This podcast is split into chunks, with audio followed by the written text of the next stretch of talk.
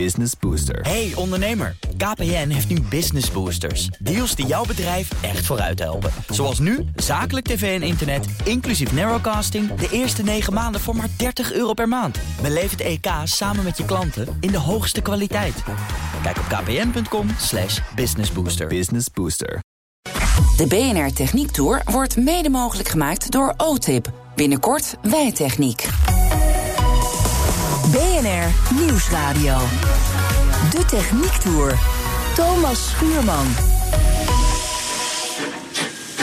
Een jaar lang heeft u mij in dit programma horen vertellen over technische hoogstandjes. Soms zijn technische innovaties ronduit vergezocht.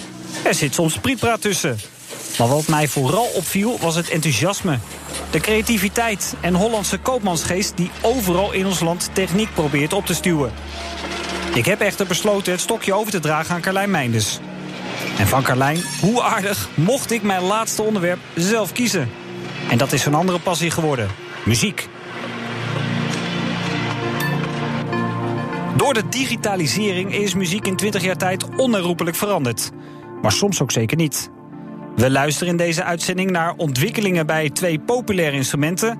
Maar duiken allereerst de bekendste muziekstudio van ons land in. Ik heb ooit een poging tot uh, nou, keyboard en percussie en drums gedaan. De Wisseloord Studios in Hilversum. Heel snel duidelijk dat andere mensen dat veel beter konden. Daar praten we met operations manager Rob Sanne. Nou, we kijken en uh, luisteren hier naar een live-opname van de Common Linnets. Iedereen wel bekend, bandje rond uh, Lange. Het is een special opgenomen voor uh, Fox TV, waarbij de volledige band, volledige bezetting van acht mensen in totaal, live in de studio speelt. En het idee was om uh, alles in één take op te nemen. Dus geen correctie achteraf, geen autotune, niet knippen, niet plakken. Dus achteraf nog wel gemixt. Uh, maar dat maakt het juist moeilijk. Dat maakt het juist moeilijk, omdat dan de hele band... ze staan allemaal tezamen in een ruimte. Wat wil zeggen dat als iemand een fout maakt... moet iedereen terug opnieuw beginnen. Wat moet dan bijvoorbeeld echt goed gaan... behalve dat zij natuurlijk het nummer goed moeten spelen? Uh, de overspraak tussen de verschillende microfoons bijvoorbeeld moet goed gaan nummer wat we nu horen zitten geen drums in, maar Ulse speelt heel zacht akoestische gitaar. Stel dat daar een drummer overheen gaat, dan moet die gitaar ook wel duidelijk hoorbaar zijn. Dus vandaar dat er een combinatie gemaakt wordt tussen de kabeluitgang van de gitaar en een echt microfoon aan de voorkant van die gitaar. Voor de kleinere nummers zoals dit wordt er meer microfoon gebruikt, omdat er dan geen last is van andere instrumenten. Voor de wat luidere nummers wordt dan iets meer van de kabelaansluiting gebruik gemaakt. Want die heeft dan geen last van, het, van de drumheady, om het zo maar even te zeggen. En hoe lang zijn jullie bezig geweest met deze one-taker? We hebben in totaal een dag opgebouwd. Het zijn acht muzikanten en uh, voor elke muzikant wel vijf of zes microfoons. Uh, plus het licht moest er eerst nog boven. Dus het licht wordt eerst het plafond ingehezen, camerakraan wordt eronder gereden. Dan pas kunnen de instrumenten erbij. Uh, en dan één voor één iedereen soundchecken. Uh, omdat het met beeld is, wil je liefst geen koptelefoons in beeld. Dat ziet er niet uit, dus iedereen moest op in spelen.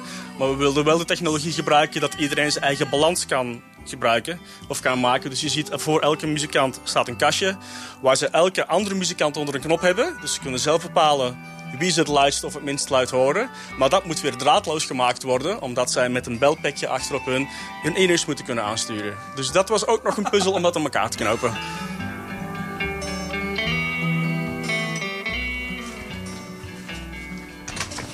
Nou, dan komen we in het Walhalla zelf. Dit is een studio. Hoeveel van deze studio's hebben jullie? Uh, we hebben in totaal twee van deze opnameruimtes. Waarvan deze studio 1 is de grootste, ongeveer 120 vierkante meter. In de ruimte ja, uh, staan de muziekinstrumenten natuurlijk. Uh, een vleugel, uh, een meters kabels uiteraard, een, een, oud orgel. veel standaarden, hè, oude boxen voor, voor gitaren, voor basgitaren wellicht. Wat maakt deze ruimte tot een goede ruimte om op te nemen? Hij is groot, hij is droog. Um, waarmee ik bedoel dat je best wel met een grote band hier kan zitten. Je kan hier prima een orkest kwijt van 50 mensen. En die kunnen in een akoestisch goed klinkende ruimte te samen spelen. Dus samen in één ruimte muziek maken zonder dat je akoestisch van elkaar last hebt. Ja. Er zijn achterin nog twee uh, vocal booths bijgebouwd. Ja. Het zijn kleine ruimtes van ongeveer 2 bij 2 meter... waar je muzikanten of instrumenten of gitaarverstekers, wat je wil, in kan opsluiten. Als de deuren dicht gaan, dan heb je voldoende geluidsisolatie tussen die aparte ruimtes en de grote ruimte waar we nu staan. Waardoor als de gitarist bijvoorbeeld wel een fout maakt, dan heeft, hebben de andere muzikanten en de andere microfoons van die muzikanten daar geen last van. Dus dan zou je dat eventueel nog los kunnen corrigeren. Ja. Dit ademt natuurlijk muziek, hè? Uh, je, je, ruikt het ook als het, als het ware. Ja, zo, zo, voelt het bij mij in ieder geval. Die opmerking maken voor heel veel mensen. Ja. Het ruikt naar muzikant. Ja, nou ja, dat is geen onprettige geur, kan ik toch, uh, toch zeggen. Uh, maar wat er staat... Um, is niet uh, hypermodern, zeg maar, om het zo maar te zeggen. Een, een oude, een oud, uh, wat is het? Een, een oud orgel. Ja, precies. Een oude orgel, oude versterkers. Ja. Zit die toch ook modern technisch vernuft in? Alles wat je niet zit, wat in de wand zit bijvoorbeeld, uh, is nou niet technisch vernuft, maar zijn gewoon goede kabels waarmee je al het signaal wat een microfoon opvangt op een met zo weinig mogelijk verlies in het opnamesysteem kan krijgen. Maar dat is dus weggewerkt? Dat is weggewerkt, Kan ik ook iets zien wat echt uh, van de laatste tijd is? Nou, we hebben acht jaar geleden hebben we verbouwd. Uh, een aantal dingen die we gewijzigd hebben is... Uh, de ruimte had eerst geen daglicht, dat hebben we er wel ingebracht. Het is mm. toch wel fijn als persoon, als muzikant zijn... Lekker, dat, ja. je, dat je weet of het nog dag is of al nacht is. Mm -hmm. Het zijn een beetje nachtuilen toch, die mensen. Dus dat hebben we gedaan. alle elektra, alle verlichting is, is vervangen. Verlichting met name omdat die nu kan gedimd worden staat nu best wel op standje ongezellig. Ja. Uh, als je straks Sfeer is ook belangrijk. Uh, zeker, ja. bijna nog het belangrijkste. Kijk, ja. techniek en, en, alles is belangrijk. Maar als, als de sfeer niet goed is, kunnen we eigenlijk allemaal meteen naar huis. Je moet zorgen dat mensen komen hier toch emotie brengen. En dat wil eigenlijk zeggen dat ze zich thuis moeten voelen. Vandaar ook vaak de, de persische tapijtjes. Je ziet een hoop staande lampen. Uh, er wordt, nou ja, bijna de helft van de tijd wordt ook gebruikt om aankleding te doen. Ervoor te zorgen dat er een banksteeltje staat met een tafeltje waar een koffertje op kan mensen moeten zich toch thuis voelen. Want alleen dan komt, komt die emotie naar boven. Een sigaretje, een fles whisky. Bijvoorbeeld. We zijn wel een non-smoking facility. Maar ja.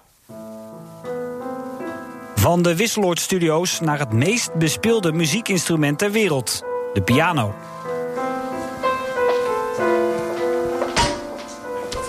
Ik ben Kevin Vos en ik ben een van de verkoopadviseurs bij Bol Piano's.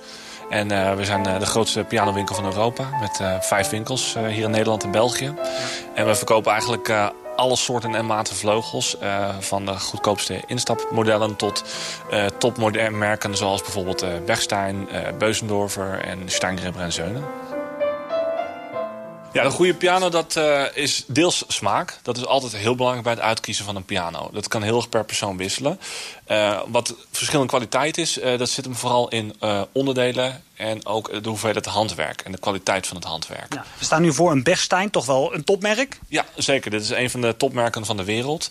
We zien gewoon een hooglands piano met 88 toetsen, hè? Ja, dat klopt inderdaad. Ja. 88 toetsen, dat hebben ze tegenwoordig eigenlijk allemaal. Ja, zoals je zelf al zegt, eigenlijk alles wat er staat is zwart hooglands en 88 toetsen. Dus het lijkt allemaal hetzelfde. Maar... maar, dat is het niet. Dus waar zit hem dat in? Ja, er zijn geen twee pianos hetzelfde. Dus uh, er zit hem bijvoorbeeld in de onderdelen. Um, dus de zangbodem is heel belangrijk. Dus dat is de klankkast van de piano, het hout. Dus hoe dat gedroogd is, hoe dat bewerkt is, is heel erg belangrijk. Uh, hoe de klank uit de piano komt. Wat voor hout is dat bijvoorbeeld? Uh, dat is meestal sparrenhout, uh, soms ook viehtehout, afhankelijk van de kwaliteit en het prijssegment van de piano. En dat luistert heel erg nauw? Ja, dat luistert heel erg nauw. Dus uh, er zit verschil in of bij een goedkopere, vaak een Chinese piano... dat bijvoorbeeld uh, kort en snel gedroogd wordt in een droogkamer... of dat het bij topmerken, zoals bijvoorbeeld bij Beuzendorfer... waar het gewoon tien jaar buiten natuurlijk ligt te drogen. Zo lang? Ja, en dat is nog maar één onderdeel van de hele piano... waar er duizenden onderdelen in zitten. Ja. En wat, waarom is die zo belangrijk? Uh, nou, dat is de versterker van je geluid. We hebben hier een Hofman piano. Ja, een zangbodem kun je normaal gesproken niet direct horen. Maar we hebben hier eigenlijk een, eh, een heel simpel apparaatje ervoor. We hebben hier een klein muziekdoosje. Ja. En als ik die aanzet... Bekend deuntje. Een heel bekend deuntje. Furilize. Dat hoor je in de pianowinkel ook wel af en toe. Ja. En vrij zacht nu als je eraan draait? Ja, hij is vrij zacht inderdaad. Uh, en als ik hem dus tegen het houten zangbodem aanzet aan de achterkant van de piano... dan hoor je opeens hoe het versterkt wordt door die zangbodem. Dus ik ga hem er even aan de achterkant tegenaan zetten. En nu zet ik hem nog een keer aan. Zo. Dat is wel een factor 10, eh, zou ik zeggen. Dat is zeker een factor 10, inderdaad. Dus dat is het belang van die zangbodem. Die, eh, die maakt het geluid eigenlijk. Ja. Wat bepaalt nog meer de kwaliteit van een, eh, van een goede piano? Uh, nou, wat ik al zei, de hoeveelheid handwerk. Dus hoe bijvoorbeeld de piano is afgeregeld. Dus dat zijn echt de details. Ook in de touché, dus hoe die, hoe die onder je vingers voelt en hoe die reageert.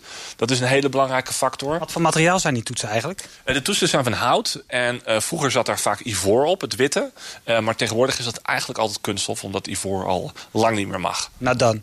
Nee, precies, niet meer. Nee. Die heeft u natuurlijk ook niet staan, eentje met die voorvel toevallig? Uh, af en toe heb ik er nog wel een antieke tussen staan die het nog heeft, inderdaad. Maar dat is dan meestal wel uh, uh, 100 jaar oud. Als je een piano open doet en je kijkt erin, zie je al meteen een heleboel onderdelen. Uh, en dat is inderdaad wel een combinatie van factoren. Uh, wat, wat de klank maakt van een piano. Dus is die, heeft hij een hele schelle, hardere klank of een hele warme, romantische klank. En dat bepalen die dingen van binnen? Onder andere de hamerkoppen zijn daar heel belangrijk voor. Want dat, dat, daar zit vilt op, op hout gelijmd eigenlijk. En hoe harder dat vilt is, hoe harder en hoe scheller de klank van een piano is. Dus je ziet het bij die topmerken, daar wordt daar heel precies geïntoneerd, zoals dat heet. Dus dan worden met naaldjes worden de hamerkoppen een bepaalde hardheid of zachtheid gemaakt. Tot ze allemaal op een perfect punt zitten dat ze de optimale klank hebben. Ja. En dat ook alle toetsen evenwaardig uh, aan elkaar zijn. Ja. Nou, kunt u er ook eens twee laten horen? En, uh, om het verschil misschien in, in piano's ook... misschien voor de luisteraar uh, duidelijk te maken. Ik denk dat het best lastig is van een afstandje... als iemand in de auto bijvoorbeeld zit. Ja, nou, we kunnen bijvoorbeeld, wat ik al zei... we hebben bij bolpianos hebben we ook, uh, ook hele goedkope pianos. Dus we kunnen bijvoorbeeld even voor het idee... een, een, een wat goedkopere piano laten horen. Ja. Een mooie houten. Een mooie houten, een, een Nederlandse rippenpiano. Ja. En als ik daarvoor gewoon even een paar noten aansla... dan ja. hoor je meteen al even het type geluid.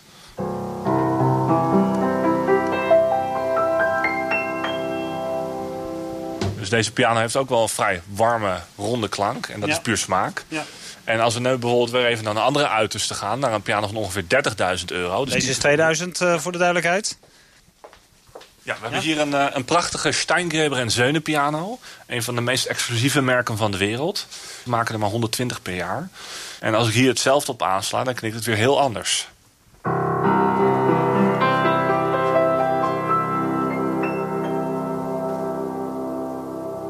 Je hoort ook goed hoe lang het doorzingt. Het heeft een hele volle, diepe, warme klank. En, uh, en je voelt het ook onder je vingers in het touché dat het anders speelt. Hoe vaak komt er iemand bij u binnen voor een elektrische? Want die verkoopt u ook? Ja, die verkopen we inderdaad ook. Daar hebben we ook wel uh, eigenlijk alle soorten en maten in. Van bij wijze van spreken een paar honderd euro tot een paar duizend euro. En daar komen ook heel regelmatig mensen voor. En die kunnen we dan ook laten zien en laten horen. Um, maar dan kunnen ze bij ons ook het verschil proberen tussen een elektrische en een akoestische. Ja, want wat vindt uw pianohart hiervan? Uh, nou, piano, uh, bij een pianowinkel al een beetje vloeken in de kerk. Een digitale piano. Het maar goed is, ook? Ja, het is, uh, het is eigenlijk helemaal geen piano. Kijk, je, je hebt tegenwoordig hele mooie digitale piano's. Maar het, het zal nooit een echte piano worden. En dat Laten we toch eens even horen. Wat is het verschil dan?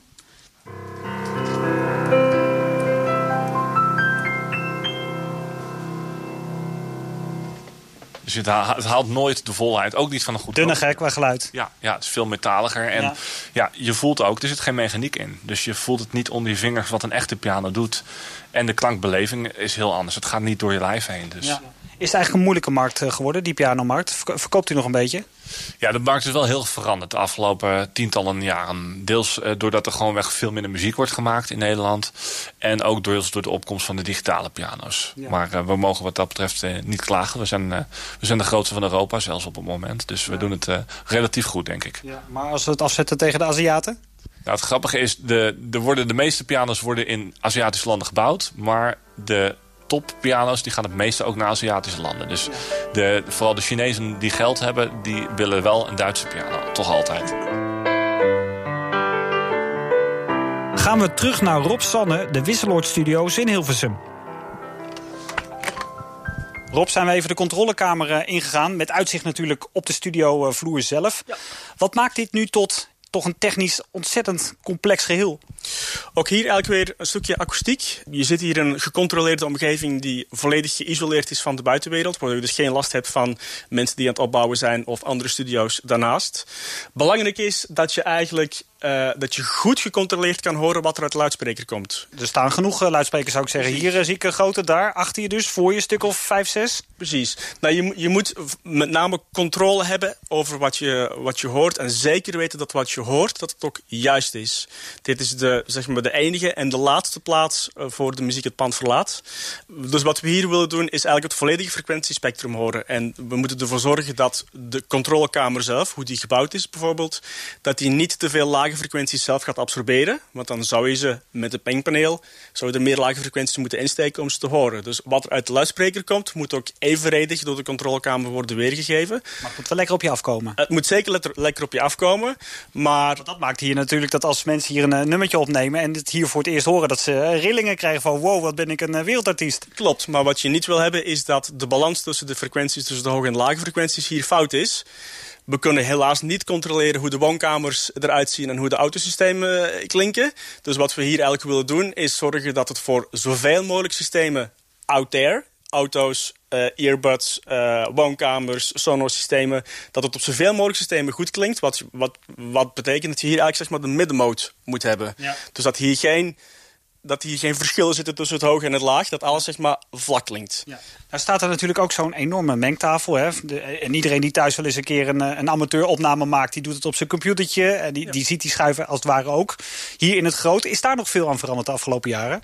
Behalve dat het gedigitaliseerd is. Eh, voor een stukje gedigitaliseerd, voor een stukje ook niet. De mengtafel die we hier hebben is inderdaad digitaal. Hier naast de Studio 2 staat echt nog een analoge bak. Ehm, uiteindelijk ga je toch de computer in.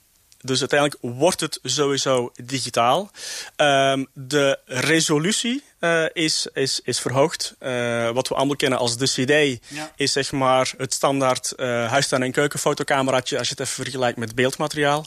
Des te meer pixels jij kan laten zien, des te dichter bij dat origineel is. Dat geldt voor geluid eigenlijk exact hetzelfde. Waarbij de CD en de MP3 nog erger een, versie is met heel lage resolutie, dus met heel weinig pixels. Wat wij hier doen aan. Vind je dus eigenlijk afgrijzelijk.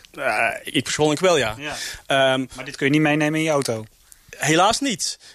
Maar nou, de technologie is intussen zo ver, de bandbreedtes en de snelheden van de in- internetverbindingen zijn intussen zo goed geworden dat, eh, dat de streamingdiensten intussen wel eh, files in hogere resolutie aanbieden. Dus, En dat is voor ons wel interessant, dat, Ja. dat mensen het eigenlijk kunnen afspelen zoals wij het hier gemaakt hebben. Ja. En dat kon door technologie eh, een paar jaar geleden kon dat gewoon niet. Omdat de mobieltjes gewoon maar weinig opslagcapaciteit hadden. En nu loopt iedereen met een telefoon van 200 gigabyte. Ja, daar past gewoon hoge kwaliteit muziek op. Er zijn in de loop van de tijd natuurlijk wel wat artiesten hier eh, geweest, hè, van naam. Eh, Michael Jackson zag ik, de Stones.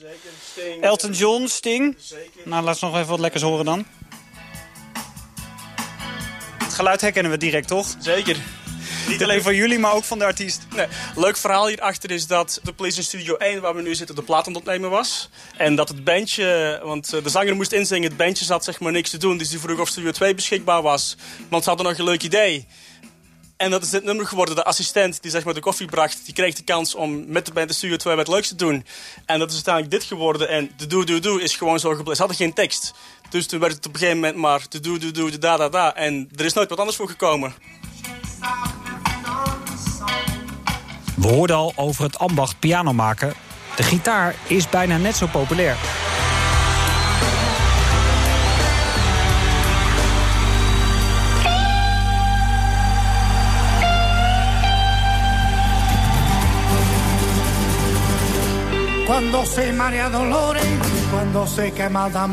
Je hebt erbij die dag en nacht met dat instrument met zes snaren bezig zijn. Robin Baart bijvoorbeeld is er zo eentje. Van het spelen in beentjes tot verkopen, van reparateur tot rodi. Hij bestiert het hele palet. Baila, baila, baila, baila, baila, baila, baila, Robin Baart, heeft de gitaar nog geheimen voor jou? Bijna niet meer. Ik ben een heel eind. Is het een lastig ding om te ontcijferen, die gitaar? Mm, soms wel. Gelukkig zijn er ook door de ervaring eh, steeds meer eh, soort van handvaten bijgekomen die je kunnen sturen om eh, snel tot een oplossing te komen. Nou, wat maakt nou een goede gitaar? Daarvoor heb ik mijn eigen meegenomen. Ja, inderdaad, er ligt nog wat stof op. Oeh, een oude Paul. Oh, die dingen waren zwaar, ja. 79. Ja, het zijn wel vette dingen. Hoe lang heb je hem niet aangeraakt? Nou, al een paar jaar inmiddels. Kan je zeggen wat voor gitaar het is die je in je handen hebt? Een, eh, een Gibson De Paul was een, eh, een budgetversie eigenlijk van de Les Paul. Het is eh, eigenlijk een, blok mahogany, eh, zonder uh, S door een top. Wel een gelijmde hals, je hebt geen binding. Zowel niet op de body als de toets. je hebt wel een beetje een afgeronde body contour. Wat eigenlijk ook niet standaard op een Les Paul zit. Ja, eigenlijk een simpele, sobere versie van de welbekende Les Paul. Nou, daar komt nog geluid uit. Ja.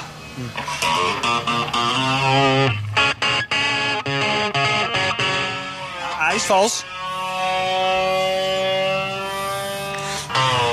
Ah, die doet dat goed op de radio, hè?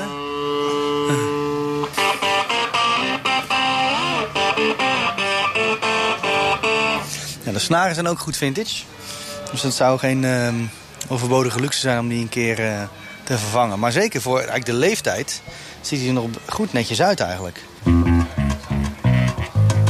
Nu repareer je gitaren, je bouwt gitaren, maar je bent ook vaak eh, in de muziekzalen te vinden. Hè? Want uh, je bent gitaartechnicus als het ware voor toch grote bands hier in Nederland. Voor Waylon, uh, Jet Rebel werk je mee samen. Volgens mij mis ik er nog een paar, noem eens wat. Op dit moment werk ik vast voor Waylon inderdaad. Jet Rebel werkte ik voor. Um, Adje van den Berg is een vaste werkgever.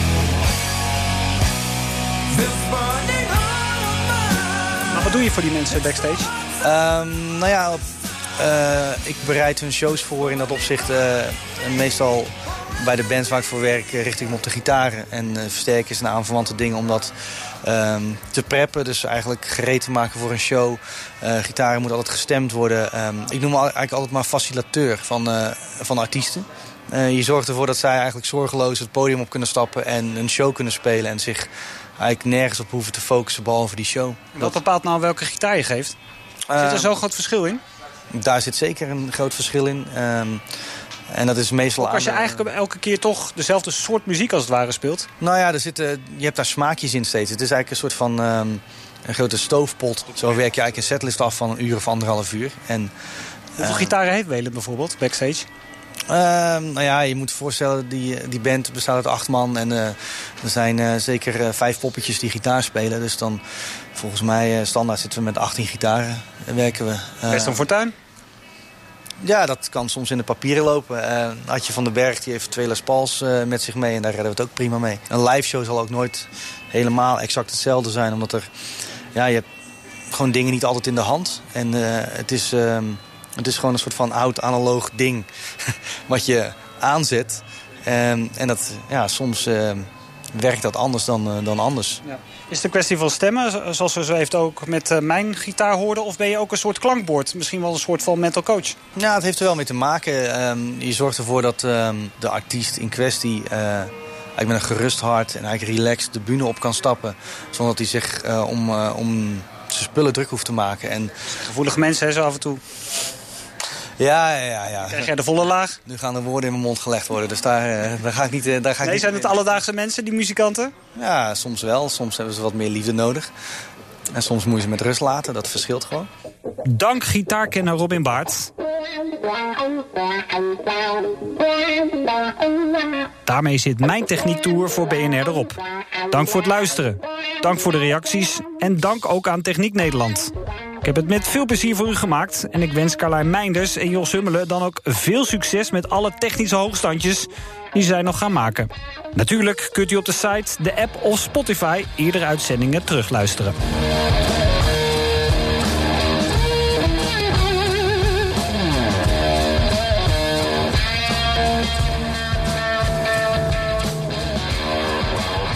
De BNR Techniek Tour wordt mede mogelijk gemaakt door Techniek Nederland. De makers van morgen. Hardlopen, dat is goed voor je. En Nationale Nederlanden helpt je daar graag bij. Bijvoorbeeld met onze digitale NN Running Coach... die antwoord geeft op al je hardloopvragen. Dus, kom ook in beweging. Onze support heb je.